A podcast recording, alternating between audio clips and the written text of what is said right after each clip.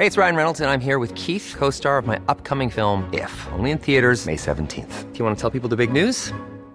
All right, I'll do it. Sign up now and you'll get unlimited for $15 a month in six months of Paramount Plus Essential Plan on us. Mintmobile.com slash switch. Upfront payment of $45 equivalent to $15 per month. Unlimited over 40 gigabytes per month. Face lower speeds. Videos at 480p. Active Mint customers by 531.24 get six months of Paramount Plus Essential Plan. Auto renews after six months. Offer ends May 31st, 2024. Separate Paramount Plus registration required. Terms and conditions apply if rated PG. Hey, I'm Ryan Reynolds. At Mint Mobile, we like to do the opposite of what Big Wireless does. They charge you a lot we charge you a little. So naturally, when they announced they'd be raising their prices due to inflation, we decided to deflate our prices due to not hating you. That's right. We're cutting the price of Mint Unlimited from $30 a month to just $15 a month. Give it a try at mintmobile.com slash switch. $45 upfront for three months plus taxes and fees. Promo for new customers for limited time. Unlimited more than 40 gigabytes per month. Slows. Full terms at mintmobile.com.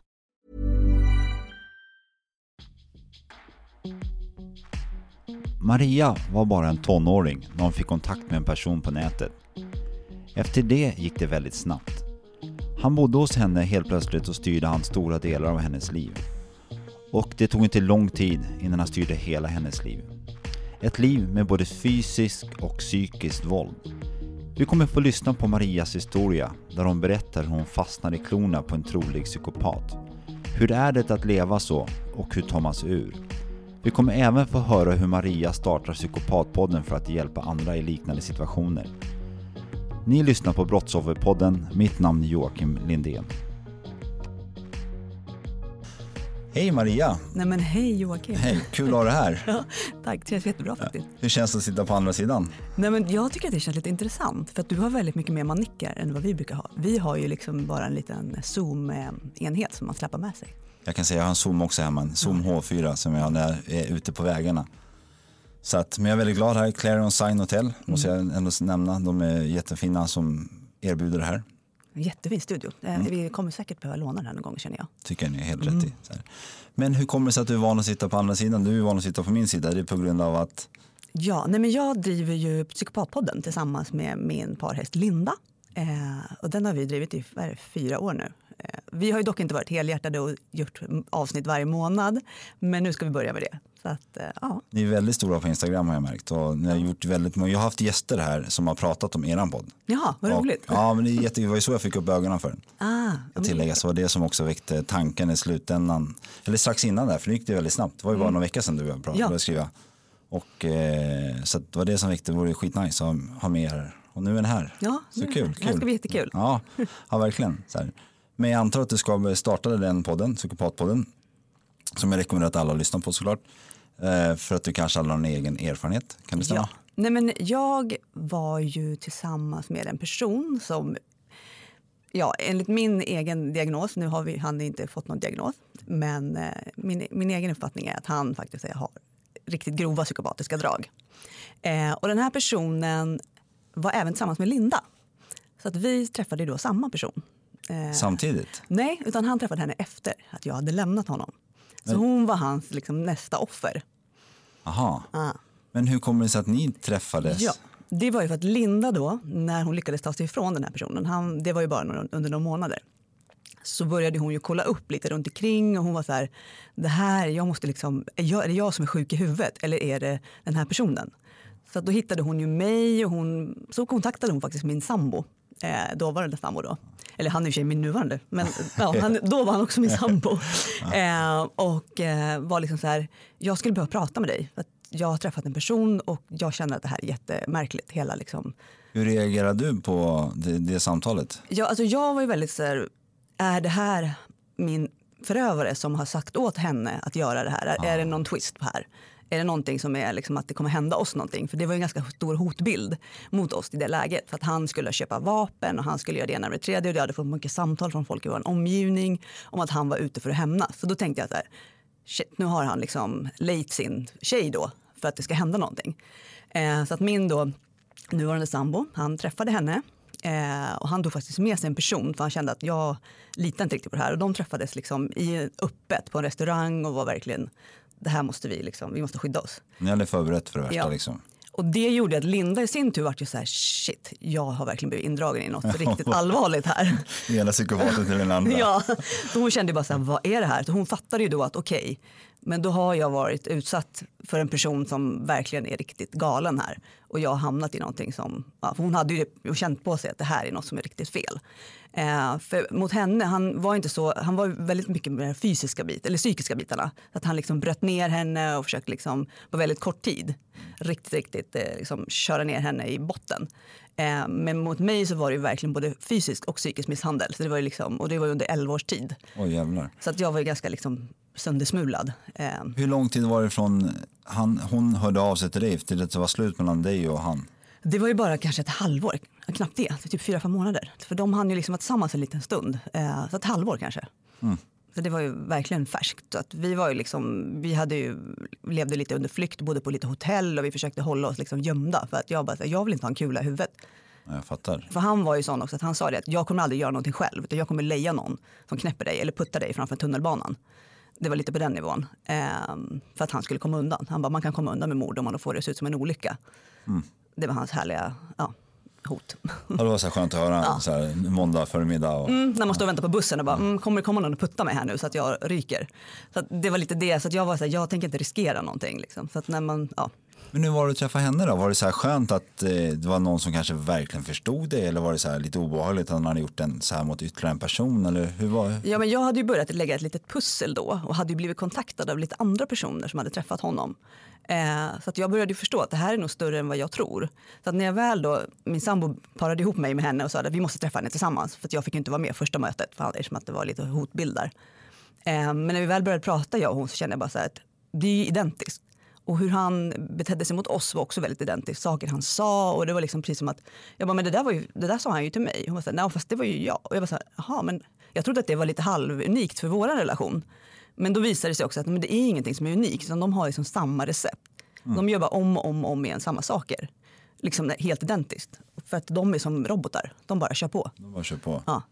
Men alltså om vi backar bandet mm. 11, vi är 11 och ett halvt, nästan 12 ja, år då? Ja, precis. Eller? Ja, nu är jag tillsammans med en kille i sju år så att okay. nu det väldigt många år här. Ja, vi backar 18, 19, vi, räknar, 20 år. Vi backar jävligt länge bara. Ja. Och den här killen då som inte har fått sin diagnos som psykopat men ja. troligtvis är det. Ja. När han kom in i ditt liv, hur var det? Nej, men jag var ju bara 19 år och jag träffade honom online. Och han var ju så superintresserad av att hjälpa mig och han skulle rädda mig från så mycket saker. Jag hade lite struligt med min familj och jag hade haft det jävligt tufft.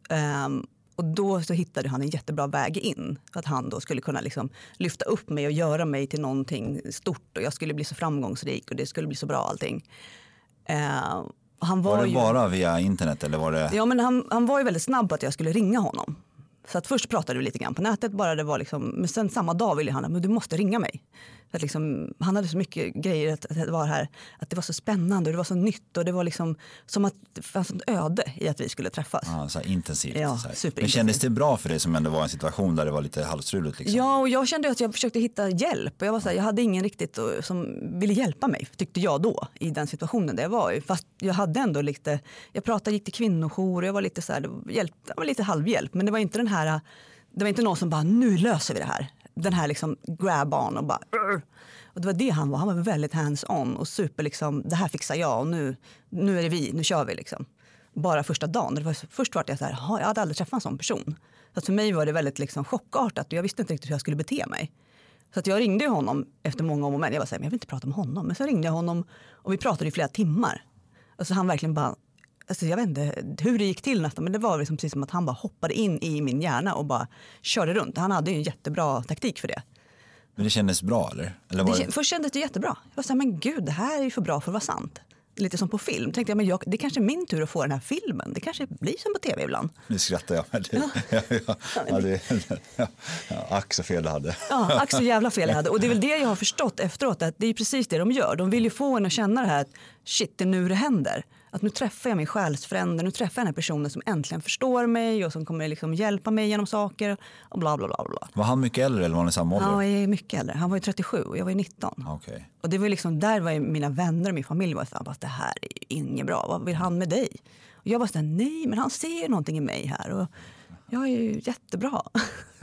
och någon som verkligen sa bara så här, men jag tror på dig och du är fantastisk. Jag bara så här, men gud, jag kanske är bra då, är fantastisk. Ja, men du vet, jag fick en sån boost, jätteboost. Men gick ni vidare då? Ni, Ja. ni snackade i telefon efter ett par Ja. timmar redan och han sa jag kommer med min vita häst, jag plockar upp dig, nu räddar jag dig. Liksom. Så här, du är safe, oroa dig inte. Ja, sen typ, jag åkte ner och hälsade på honom väldigt snabbt. Efter det också. Jag var så här, shit, ska jag åka och hälsa på honom verkligen? För han var så här, du måste komma till mig. Så jag var ju hos honom en helg. Innan så hade jag liksom lämnat till min mamma hans adress. Du vet, jag hade gjort massa grejer för att det inte skulle bli något skit. För jag var så här, oh.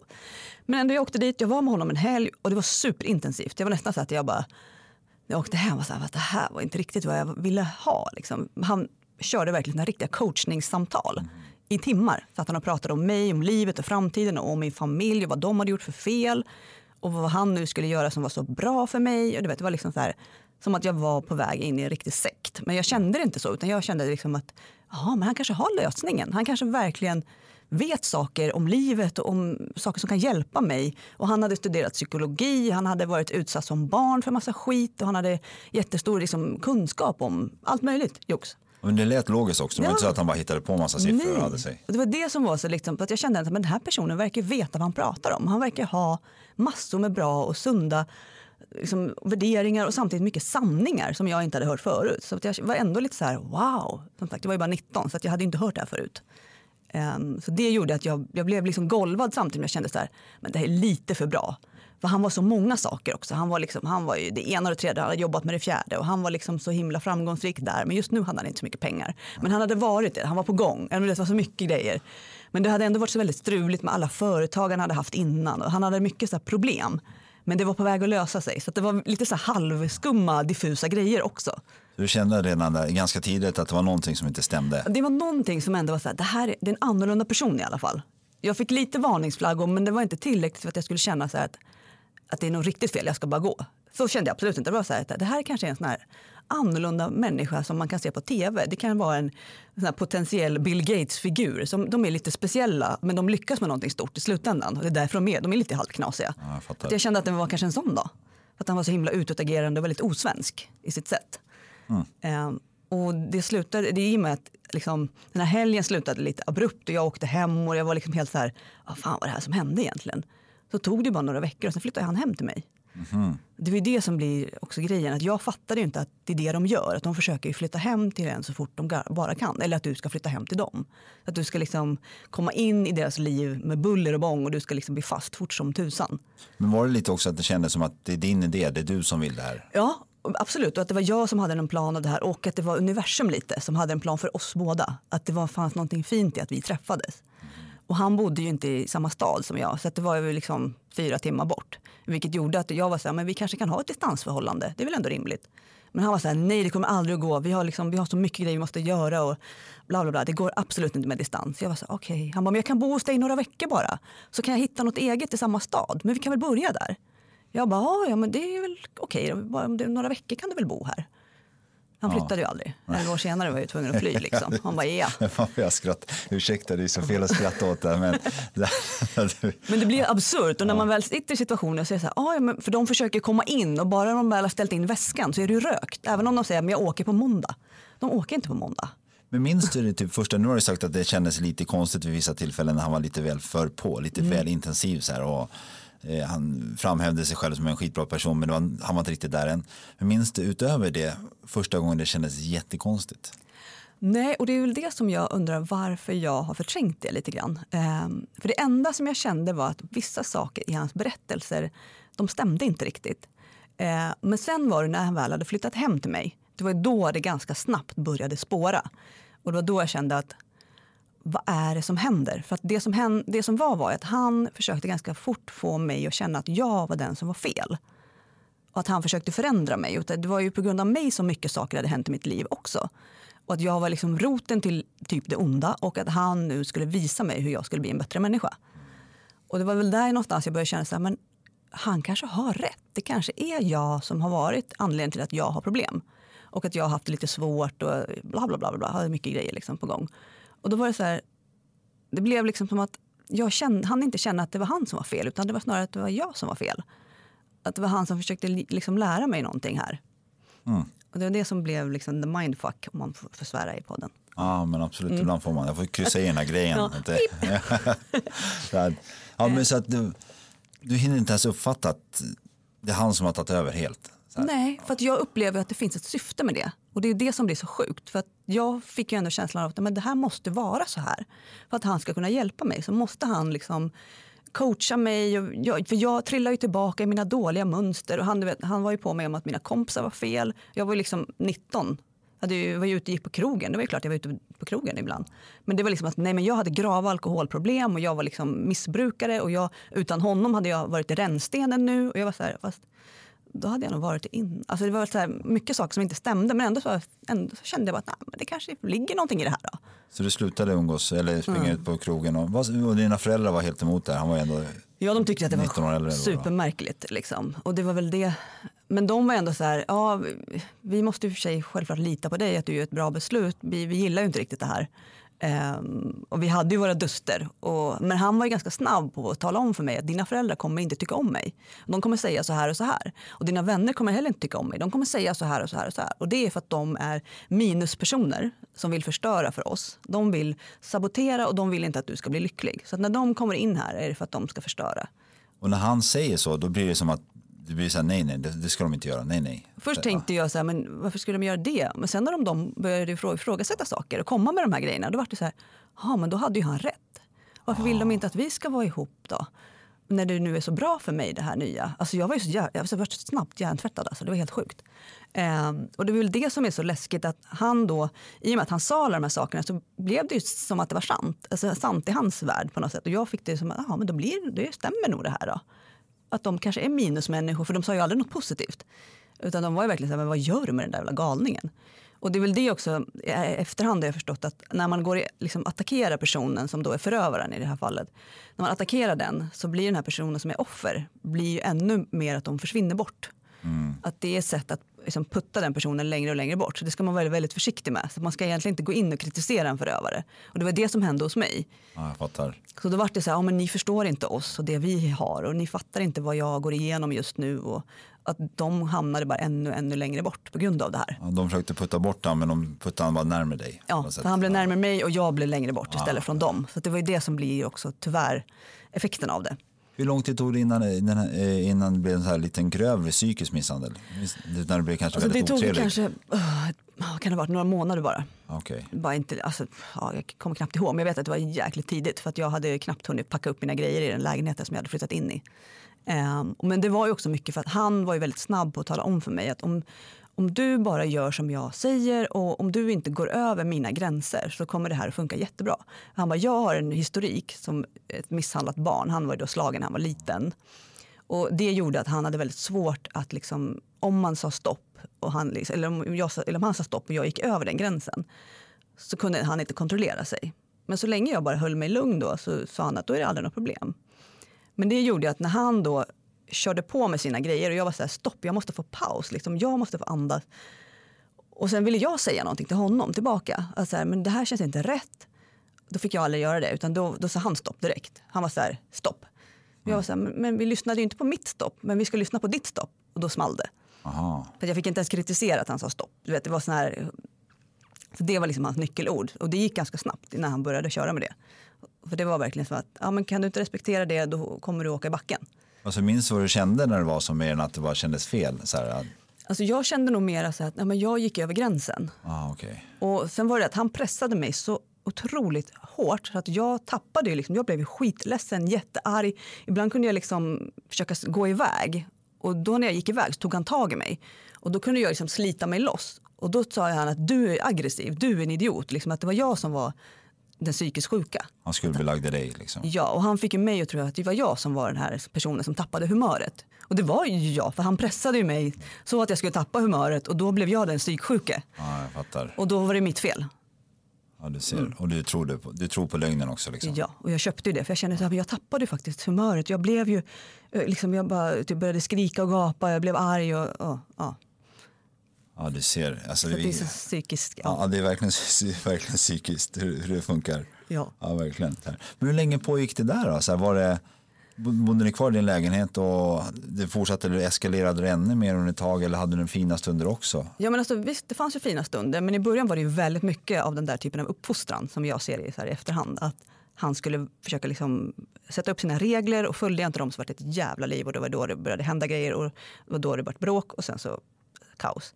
Men när jag sen insåg att okej, okay, men om, det är lite som en hund som är slagen, att okay, men jag inte gör det här då blir det inte det här heller. Så att, jag försökte sluta då, umgås med vännerna.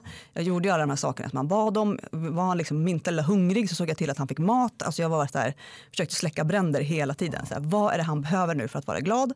Så länge han är glad så här var han väldigt, liksom, han hade mycket energi.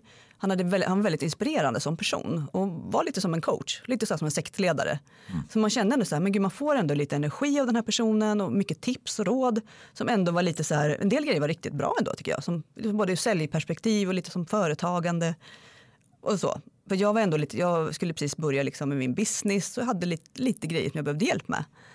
Så att det fanns självklart sidor hos honom som jag tyckte så här, men det här var ganska bra. Hade han någon inkomst själv? Eller hans, nej. nej.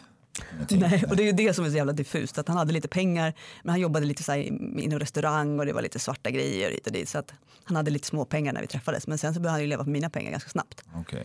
Och jag liksom började jobba och försökte liksom bygga upp mitt liv. Men det hade ju inte gett någon bra inkomst. Så att det var alltid problem med pengar. Påpekade det för han? Eller var ja. det, ja. Men han hade ju jättemycket anledningar till att inte jobba. Men han, sen var det det, sen började han jobba tyckte han med mig. Så han blev ju som min manager. Ah. Och skulle liksom fixa jobb åt mig och han fixade kontakter och han pratade ihop och fixade grejer åt mig. Så det, och det, efter ett tag så lyckades han ju, fick in lite företag som jag började jobba med och ja, men det var ju ganska bra. Men han gjorde hela tiden att de här kontakterna, de tröttnade ju på honom för han var så himla intensiv och jobbig. Så att de var så här, ja, men okej, vi pratar gärna bara med dig. Eh, men då kände jag ändå så här, men han har ju faktiskt hjälpt mig här. Så han var väldigt mycket för att tala om för mig vad han gjorde för mig som var bra.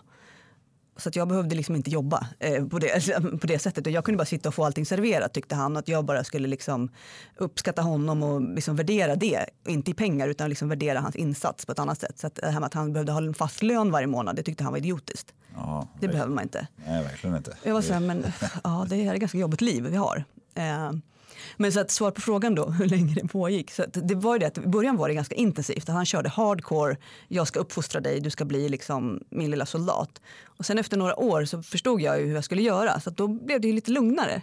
Och då kände jag också att så här, men nu är ju vårt förhållande bättre.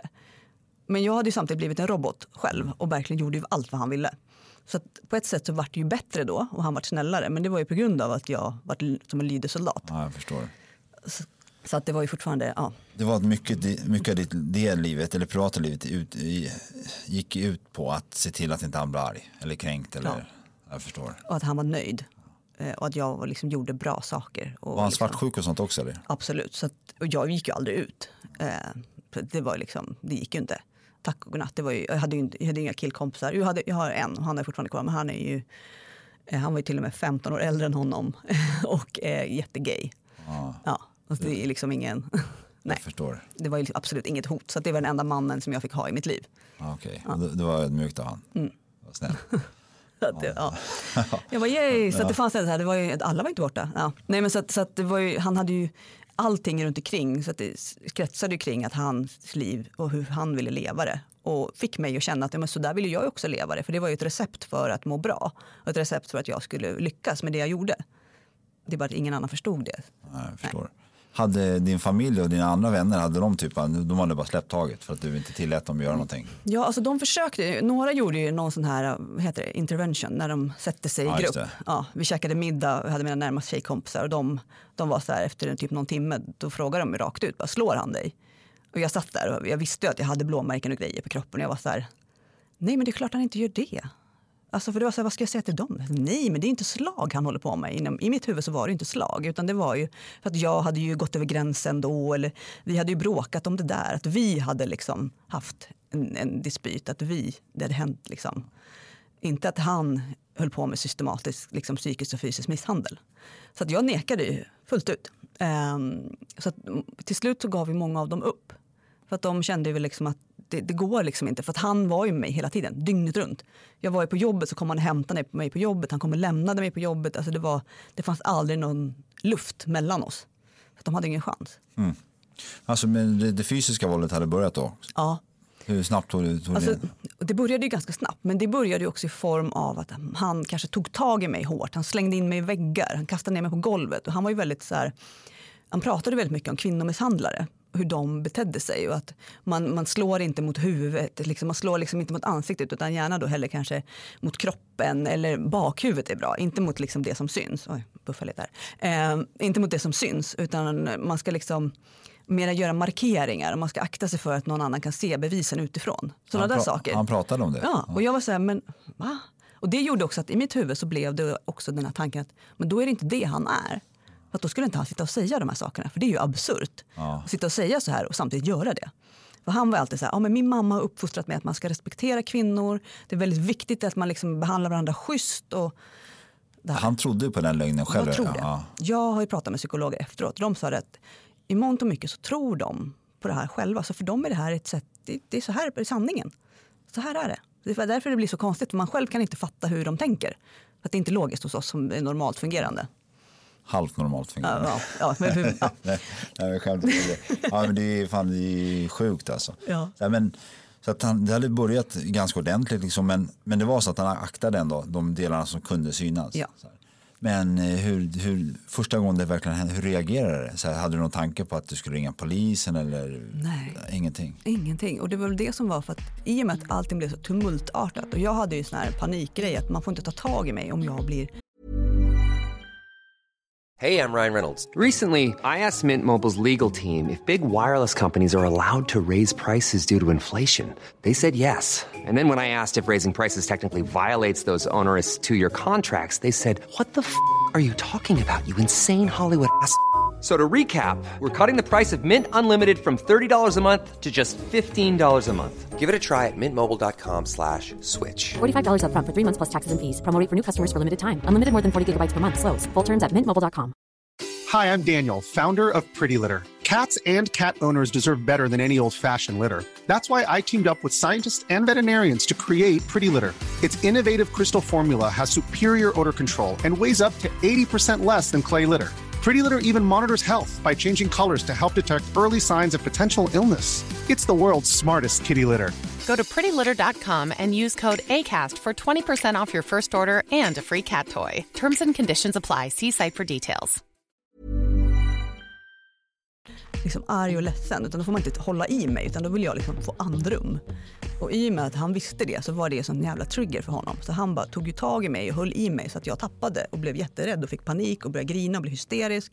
Och då var det ju liksom så mycket tumult så då kände jag att jag var inblandad i det här. Så han hittade ju de svaga punkterna som jag hade och tryckte ju på dem. Eh, så jag kände mig aldrig misshandlad. Det var ju det som var det sjuka i det. När jag tänker tillbaka på liksom så här i efterhand att jag fick örfil, att jag åkte in i de här väggarna. Det var liksom mera som ett, en, en, ett resultat av det som jag gjorde. Och det fanns liksom inte att han gjorde det bara för att han ville kontrollera utan jag, han gjorde det för att jag gick ju över någon form av gräns. Så att det fanns liksom, alltså det är det som är så sjukt. Ja, jag fattar. Utöver den här intervention, var det fler som påpekade vid något tillfälle och du kände att du hamnade i någon situation att du verkligen var tvungen att ljuga eller att det blev jobbigt att de frågade dig? Alltså jag har haft några under årens gång. Det var inte så många alls. Men på slutet av relationen så var det ju folk som kom fram och liksom, men hur mår du egentligen? Och liksom, de försökte luska lite. Men det var ju bara i början det var det här riktiga, liksom, slår han dig-frågan. Ehm, som jag fick så där rakt ut. Sen efter det så var det inte så mycket sånt. För många anhöriga är ju rädda för att göra fel tror jag också. Och man vill inte trampa på tårna och man vill ju definitivt inte anklaga någon som är oskyldig. Att de kommer och liksom så här ifrågasätter en, en sambo eller något som bara, fast de inte har gjort något. Så att, jag tror att det är mycket rädsla som ligger där. Ja, det tror jag också verkligen.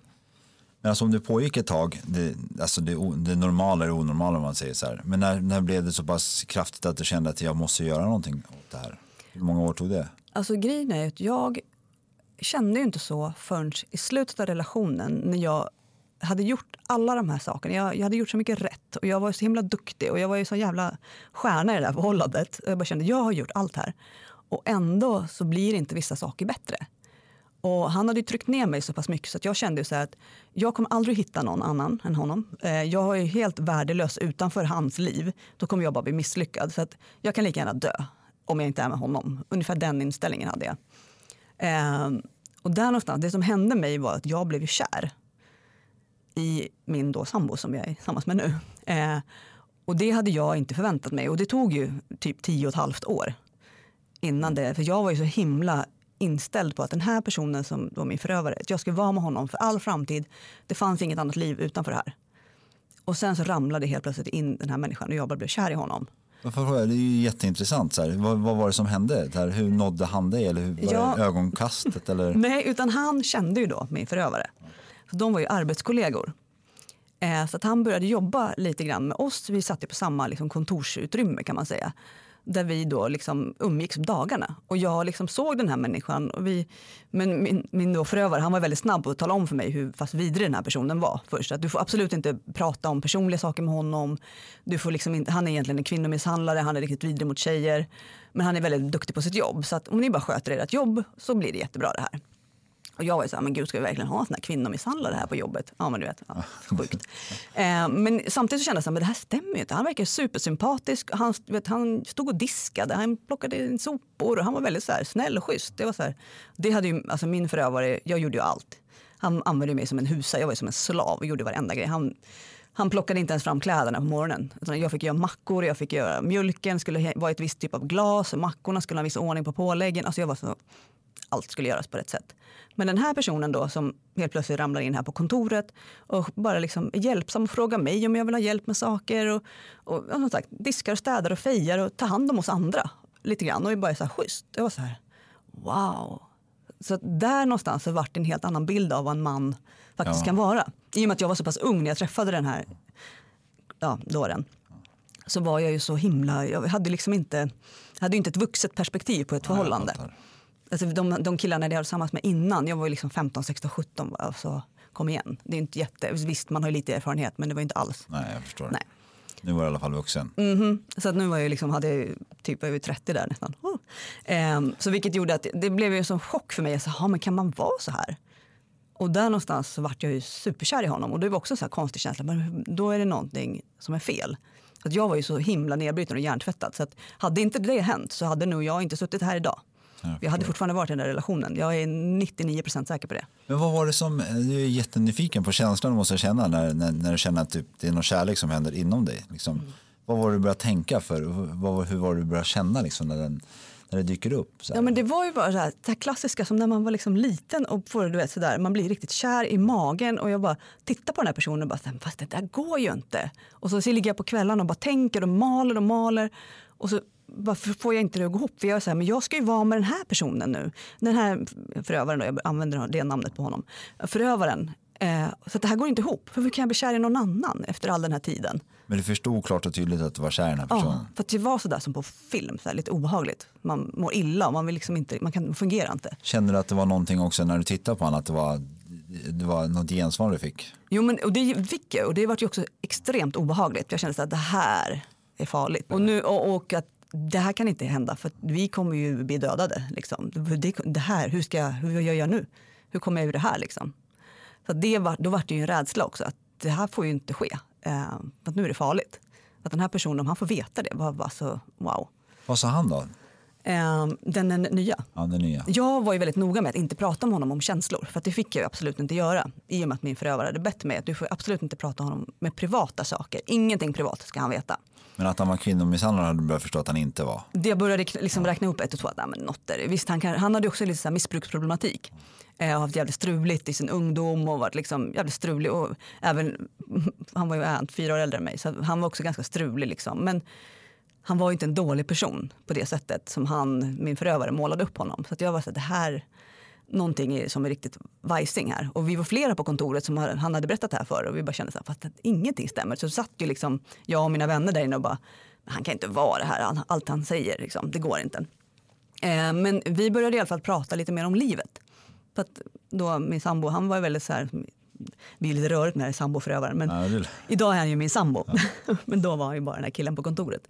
Eh, men han började liksom fråga mig lite om livet och verkligen så här, men vad är dina drömmar och vem är du? Och liksom lite sådana djupare grejer. Jag var så här, fast det här kan inte jag svara på.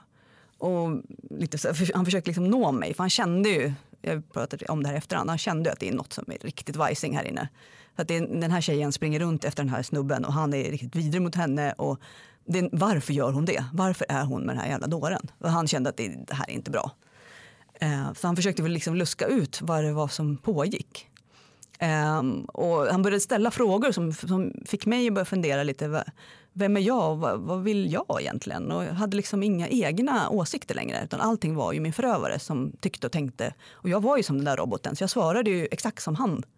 Så han var så här, nej men om du inte svarar så där, utan bara fundera lite, vad känner du? Liksom.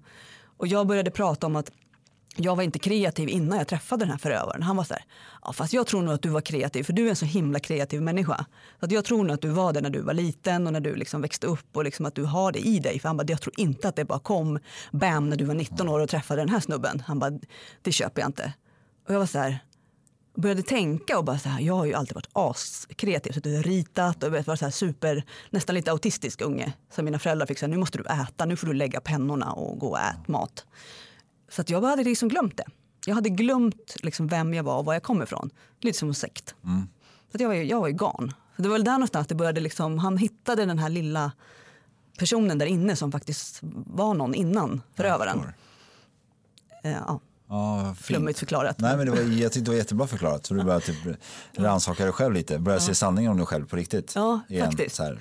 Sen fanns jag faktiskt innan. Jo, men jag fanns. Jag var någon. Jag hade faktiskt drömmar och visioner. Jag hade egna grejer på gång. Men, ja. men hur lång tid tar det ungefär då? När du känner att fan, jag behöver verkligen göra någonting åt det här. Där börjar den här killen fatta att du Ja, berätta vidare, jag släpper ja. ordet. Jag släpper ordet. ja, precis. Story begins. Ja. Eh, nej, men vi, vi, vi börjar ju liksom, som sagt, vi har ju de här samtalen, de är ju väldigt så, eh, absolut inte av så här, jag tycker om dig karaktär, utan bara liksom om livet som sagt. Men det som händer är ju att jag, till exempel vid ett av tillfällena, så är jag ute och går med hunden och passar på att prata med honom då när jag är ute och går med hunden. Jag eh, har min telefon och håller på att skriva på Facebook. Och sen helt plötsligt så ser jag hur jag själv svarar. Så här, helt plötsligt bara titta och se hur jag, hur jag skriver så här. Eh, jag ser vad du gör, kom hem nu. Och då sitter han på min dator oh. och har plockat upp min Facebook och ser ju samtidigt den här konversationen som pågår med den här killen då, killen på kontoret. Um, så att jag inser ju att shit, nu har han kommit på att vi har de här samtalen. Och att vi inte bara är liksom kollegor på jobbet utan att vi faktiskt pratar om svårigheterna i livet. Och jag var mycket så här, jag vet inte vad jag känner, jag vet inte vad jag tänker, vem är jag, vad, vad fan är det som har hänt? Alltså, det var mycket sådana frågor. Du måste ha fått mycket rädsla i det där när du sa att han hade skrivit? Jag var ju livrädd, jag kände att nu dör jag. Så att jag var väldigt snabb på att jag måste gå, gå nu. Eh, för att vi hörs. Typ, bara. Och så gick jag ju hem och tänkte så här, ja men jag kommer ju dö. Jag, han kommer ju ha ihjäl mig nu. Nu är det ju rökt. Liksom, ja, det är kört. Eh, men när jag kommer hem, alltså han är ju i upplösningstillstånd. Men på ett så otäckt sätt, absolut inte som jag tänkte. Eh, utan han var mer så här, liksom, på något sätt lösningsorienterad och ville liksom, nu har det här hänt, nu måste vi styra upp det här. Eh, liksom, hur kan vi lösa det här? Och mera att, att min kille då på kontoret, han måste bort. Han måste bort ur våra liv. Det här, liksom, det här funkar inte. Eh, hur länge har det pågått? Och han började liksom rota i mina grejer. Och han var ju liksom, men han vart ju argare och argare och argare. Så han, hade, han hoppade väldigt mycket mellan liksom var skitarg och väldigt sådär obehagligt som systematiskt. Det här, nu måste vi liksom styra upp det här. Eh, och grejen är att jag minns inte så mycket av den natten. För jag minns bara att jag var ju helt färdig för det var som att sitta i en tortyrförhör. När man inte får sova, man får inte äta, man får inte dricka, man får inte gå på toa utan man sitter liksom i ett förhör. Men var du ärlig mot den? Eller sa du jag var 100% ärlig för jag kände så att jag måste vara ärlig. För jag sa här, jag vet inte vad som har hänt men jag känner en massa saker i min kropp just nu och inför den här människan. Och jag vet inte hur jag ska hantera det här. För jag har aldrig känt så här förut och jag har alltid varit liksom dig 100% trogen. Jag har inte gjort någonting med den här personen, jag har aldrig inte pratat om några känslor så. Men jag känner i min kropp att det är fel. Allt det här känns bara fel och jag vet inte vad jag ska göra med de här känslorna. Så jag var superärlig.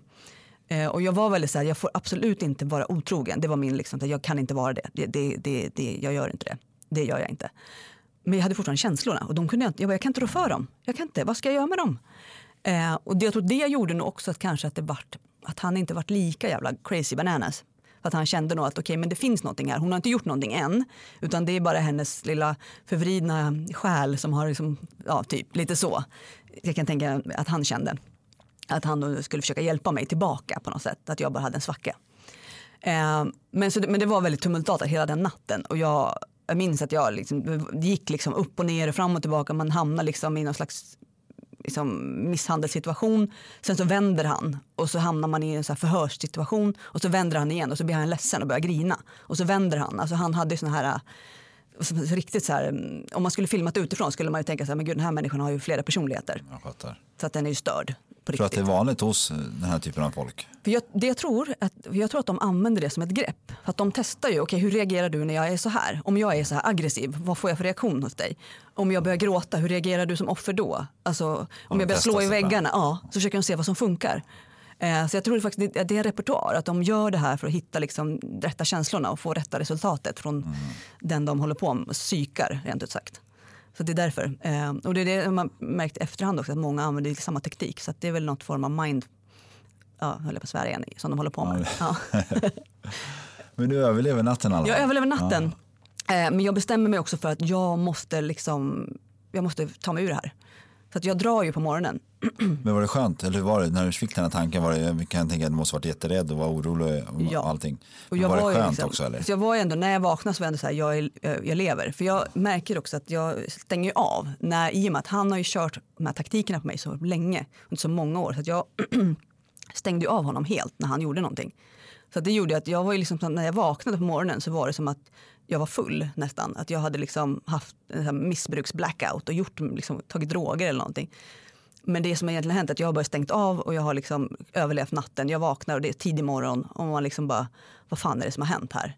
Men han ligger och sover, jag ser att han har liksom min telefon och datorn under huvudkudden. Så jag fattar att han har hållit på hela natten och grejat och jag har till slut bara somnat. Liksom. Jag hade ju liksom kläder på mig och allting. Det var liksom, byxorna tror jag inte jag hade på mig, men det var liksom Ehm, så att jag liksom bestämde att jag måste, jag måste försöka hitta hjälp eh, och försöka hur ska jag ta mig ur det här utan att han får veta det. För det var ju det som var grejen att när jag väl sätter den här bollen i rullning så kommer ju han att hämnas. För han hade ju så himla många sätt att hämnas på mig då. Antingen skulle jag ju hamna framför den där bussen eller skulle han förstöra mina företag eller så, ja men du vet, han skulle förstöra liksom livet för mig totalt. Ingen skulle vilja ta i mig med tång. Alla skulle hata mig för all framtid. Jag skulle bli ensam och utstött, typ. Eh, och det hade jag ju liksom i bakhuvudet. Jag vill ju liksom att jag vill kunna lämna honom men jag vill inte att det här ska hända. Nej, det är klart. Jag vill inte att han ska skada min familj eller att det ska, ja men du vet. Så att jag var så här, jag måste ha en plan. Så att jag drev runt den där morgonen och försökte komma på en plan. Jag gick ner till jobbet, jag hade tog med mig hunden och bara så här, åkte in till stan här bara med mitt bankkort. Liksom. Eh, och jag hade liksom ingenting med mig. Jag hade ingen telefon, ingenting. Jag var så här, men jag måste försöka liksom ringa till den här killen på kontoret och prata med honom. Och, ja, men du vet, liksom, och så här, ingenting funkade ju. Liksom. Men jag kom aldrig på någon plan. Det var det som blev eh, det tråkiga i det här. När man ser en film och det blir det här uppbrottet och den här, den här stackars då personen liksom hittar ny kraft och du vet tar koll på det där onda monstret. I verkligheten så är det inte så utan man driver runt kanske på stan och försöker hitta liksom hitta hjälp, man vågar inte ringa någon, man vågar inte kontakta någon, man vågar inte göra någonting. Till slut åker man hem, man ber om ursäkt. Ja, men du vet, det, är så här. Så det enda som hände var ju typ att jag, jag kom hem till slut och vi började prata om terapi. Och han var så här, men jag förlåter dig, men nu måste vi gå i terapi. Så att han förlät mig då, det var ju fint. Eh, och vi måste gå i terapi och försöka lösa det här nu. Liksom. Så det var där någonstans vi liksom hamnade på slutet. Men kändes det okej? För okej, okay, det är fine. Så här. Och jag var ändå så här, okej, okay, men jag kanske, om jag går i terapin så kanske den här terapeuten kanske kan tala om för honom att det är nog bäst att ni bryter upp. Men gör det på ett som sunt och fint sätt. Jag, vet inte, jag var så här, eller så kanske den här terapeuten kan se på mig att jag är både liksom misshandlad på alla möjliga sätt och kanske ringer polisen och kanske bara kan hjälpa mig. Och, och det är inte jag som har gjort det. Alltså jag försökte bara så här, det kanske kan bli så. Ibland känner man så här, men är du helt dum i huvudet när jag tänker tillbaka på hur jag tänkte? Men det är precis som att hjärnan funkar inte. Den funkar inte som den ska. Det kändes som att det finns i alla fall lite hjälp där borta kanske om ja, man gör det här. Hos en, någon terapeut. Så att, men det, var liksom, det här egentligen utspelar sig under de sista liksom, veckorna under relationen.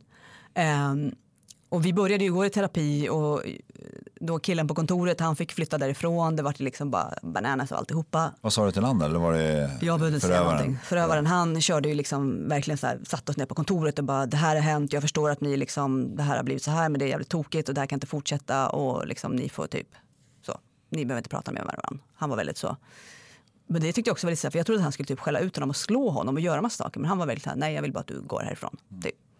Så Hur reagerade han då? Han var okej. han var mer så här, ja ja okej jag fattar det. Så han, och det tyckte jag också, så här, men varför händer ingenting med? På film så blir det inte heller så här. Så jag var väldigt missnöjd över att det inte blir som på film.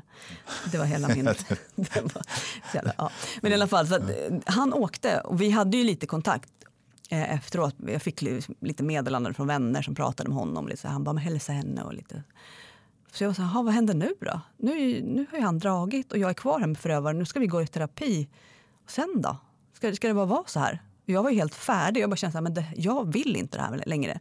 Jag, då, då, någonstans hade jag kommit till den där punkten att nu har jag blivit kär i någon annan. Det kanske inte blir något, för det här är ju bara absurt. Men jag kanske måste på något sätt ta mig härifrån. Liksom. Och, och det kanske finns en annan värld utanför. Ehm, att det har liksom öppnat sig en liten, lite fönster på något sätt. Eh, och jag bara kände att det här går inte. Jag är, det, jag får typ, han får ta livet av mig. Jag orkar inte. Liksom. Det här, det, jag fixar inte att leva på det här sättet. För jag har verkligen gjort allt för den här relationen. Och ändå så liksom, är det fortfarande saker är fel på mig. Vissa saker tydligen, jag är så obotligt, alltså jag är så sjuk så att det, det går inte att fixa mig på vissa plan tydligen. Hade han liksom fått mig att tro. Jag var så här, men alltså, vad har jag att förlora nu då? Um, så att det egentligen som gjorde den, den sista liksom fredagen, det var ju att, att jag var iväg på ett möte bara runt hörnet på vårt kontor med en annan firma. Och han kommer inspringande och hämtar ut mig därifrån. Och var så här, han hade hittat någon mer skit på min dator. Det var egentligen, vi hade lite så konversationer i mejlkorgen som vi höll på när man skriver lite hemliga Var det mejl. efter eller under tiden? Det här var under tiden. Ja, Det här var liksom sista dagen innan jag, när jag bara, nu skiter vi det här. Alltså vi, jag och då den här, eh, så vi hade ju liksom hittat ett sätt, man skriver då utkast, man öppnar ett gemensamt mejlkonto som båda har inlogg till. Det kan heta köttbullar. Ja, fattar. Och sen så skriver man i utkorgen och så slänger man inte det utan man låter det ligga där. Och så går den andra in och läser och svarar i utkastet bara hela tiden. För att det finns inga skickade mejl. Men det hade ju han hittat naturligtvis. För det här var säkert han som hade lärt honom, killen på kontoret där. För att han är, att han är så jävla manipulativ själv, höll jag på att säga. Nej men i och med att han, eh, min förövare är ju väldigt skicklig på alla såna här grejer, självklart. Så han visste ju vad han skulle leta efter. Jag var ju inte tillräckligt kunnig egentligen för att skydda mig själv. Jag hade inte sparat någon bevis, jag hade inga hemligheter för allting skulle vara öppet. Han hade ju alla mina koder överallt. Så att enda jag hade var den här, det här mejlkontot som vi hade startat. Men han hittade ju det självklart i min dator. Jag var ju inte så jävla bra på det där, tyvärr. Eh, men då stormade han in där på kontoret och jag bara kände så här, äh, men jag skiter i det här nu. Nu säger jag att jag vill skilja mig. Bara, Jag skiter i det här, jag vill lämna dig. Liksom. Så att då sa jag det, jag, jag, jag vill inte mer. Nu är det bra liksom. Vad sa han då? Då var han så här, ja men då eh, måste vi fixa det här, då måste vi fixa. Vi hade ju lägenhet men den stod ju på mig och det var mycket så här grejer som rena praktiska. Så han blev så superpraktisk. Och bara så här, ja men då måste vi göra det här och det här och jag måste få pengar och jag måste få det och jag måste göra det och det och det. Så att hela den eftermiddagen åkte vi runt och vi tog ut pengar till honom från mitt företag. Och jag bara, men det här är ju mina pengar som jag ska ha till moms nästa månad. Han bara, så här, det skiter jag i. Jag måste ha pengar, jag har inga pengar. Du har satt mig i den här situationen. Du har blåst mig på allt. Han var fine med att ni skulle skilja er, bara han fick det mesta av pengarna Ja. och allting. Eh, och han bara, jag ska åka till London, han har en kompis där. Och bara, jag ska göra det och jag ska göra det och jag ska göra det. Och jag var så här, oh, fine, fuck it. Bara, jag gör det. Bara du. Liksom, jag, det viktigaste nu är att han ska sitta på ett flygplan härifrån. Det var liksom min enda... För jag, måste, jag kände att jag måste bli av med honom från min lägenhet. Jag måste bara få ut honom därifrån. För om jag bara får ut honom därifrån så kan jag byta lås och bara börja tänka. Och få rätt på mina tankar. För jag vet inte vad jag ska göra. Jag är som att jag inte hade någon plan. Det var liksom, min enda plan blev då att jag måste bara få ut honom ur lägenheten. Och gärna att han lämnar landet. Så det här med, när han sa London, jag bara, jag köper en biljett. Så att jag gjorde det. Alltså, det gick åt så mycket pengar där den här dagen. Men jag lyckades få iväg honom.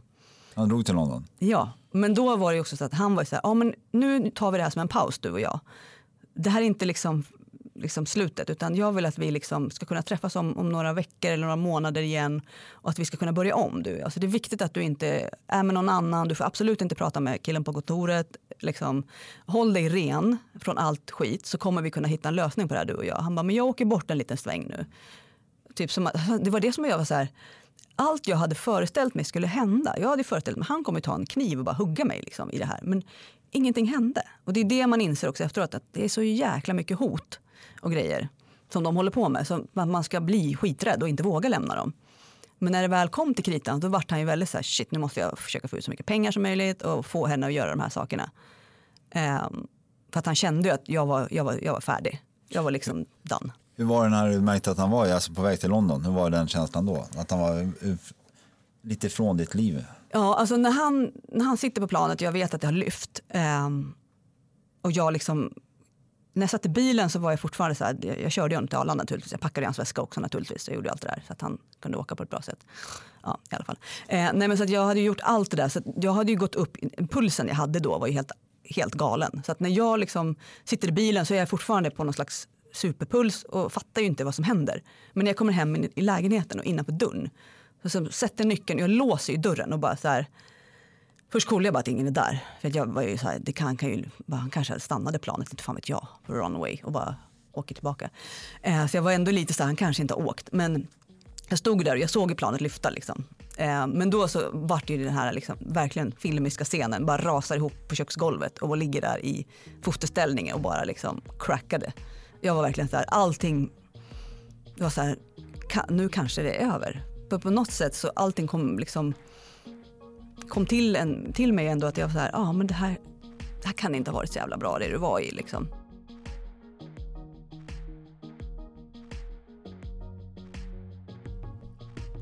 Jag vet att det är irriterande när det blir så här tvära klipp. Men tyvärr får jag väl säga att det här är del 1 av 2 och del 2 kommer ut bara om någon dag eller så finns det redan ute beroende på när i tiden du lyssnar på det här avsnittet. Men del två kommer handla väldigt mycket om hur Maria tar sig vidare och hur hennes liv blir och hur konsekvenserna av att leva med psykopat verkligen är. Så lyssna in det. Och en annan del, en annan sak, det är väl att som jag brukar ofta säga har du en historia eller känner någon som har en historia som skulle behöva bli hörd? Tveka inte att höra av dig till mig på redaktionen brottsofferpodden.com eller skriv PM eh, på Instagram eller på Facebook under namnet Brottsofferpodden. Mitt namn är Joakim Lindén. Vi hörs snart igen. Historia som berättas har satt sina spår Finns ingen skam att känna men den känns ändå. Känn dig aldrig ensam med minnen du bär.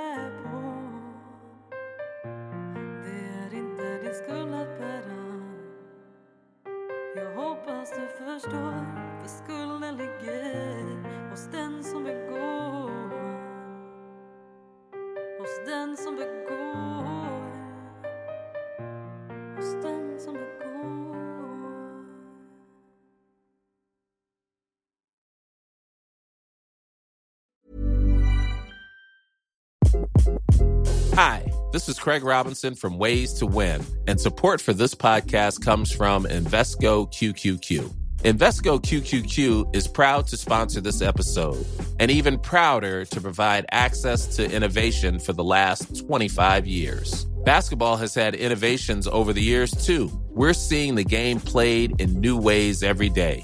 Learn more at Invesco.com slash QQQ. Let's rethink possibility. Invesco Distributors, Inc. Hey, it's Paige DeSorbo from Giggly Squad. High quality fashion without the price tag? Say hello to Quince. I'm snagging high end essentials like cozy cashmere sweaters, sleek leather jackets, fine jewelry, and so much more. With Quince being 50 to 80% less than similar brands and they partner with factories that prioritize safe ethical and responsible manufacturing i love that luxury quality within reach. Go to quince.com slash style to get free shipping and 365 day returns on your next order. quince.com slash style